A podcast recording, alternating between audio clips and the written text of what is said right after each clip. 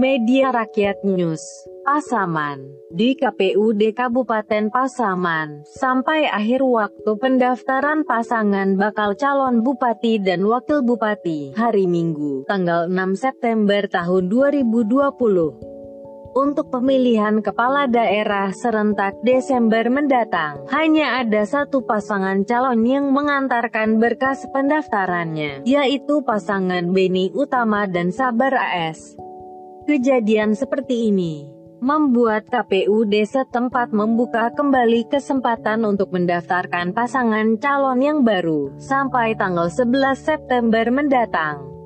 Pasangan calon, Beni Utama dan Sabar AS, mendapat dukungan dengan amunisi sangat besar, total 29 dari 35 kursi DPRD. Pasangan ini menyatukan dukungan dari segudang partai politik, antara lain Partai Golkar, Partai Demokrat, PKB, Partai PAN, P3, PDIP, PKS dan Partai Nasdem. Karena itu, sesuai dengan pasal 102 ayat 2A, Peraturan KPU nomor 3 tahun 2017 KPUD setempat harus melakukan sosialisasi selama tiga hari dan membuka kembali pendaftaran bakal pasangan calon untuk pilkada di daerah tersebut.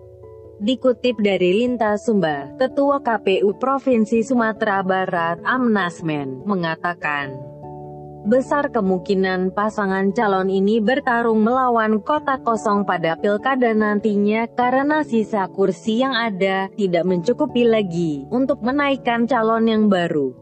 Hanya tersisa 6 kursi dan itu kurang dari 20%. Apalagi aturan KPU untuk pilkada, bahwa partai politik yang sudah memberikan dukungan, tidak diperbolehkan lagi mencabut dukungannya terhadap pasangan calon. Dilaporkan oleh Oki Athadi, untuk Indonesia.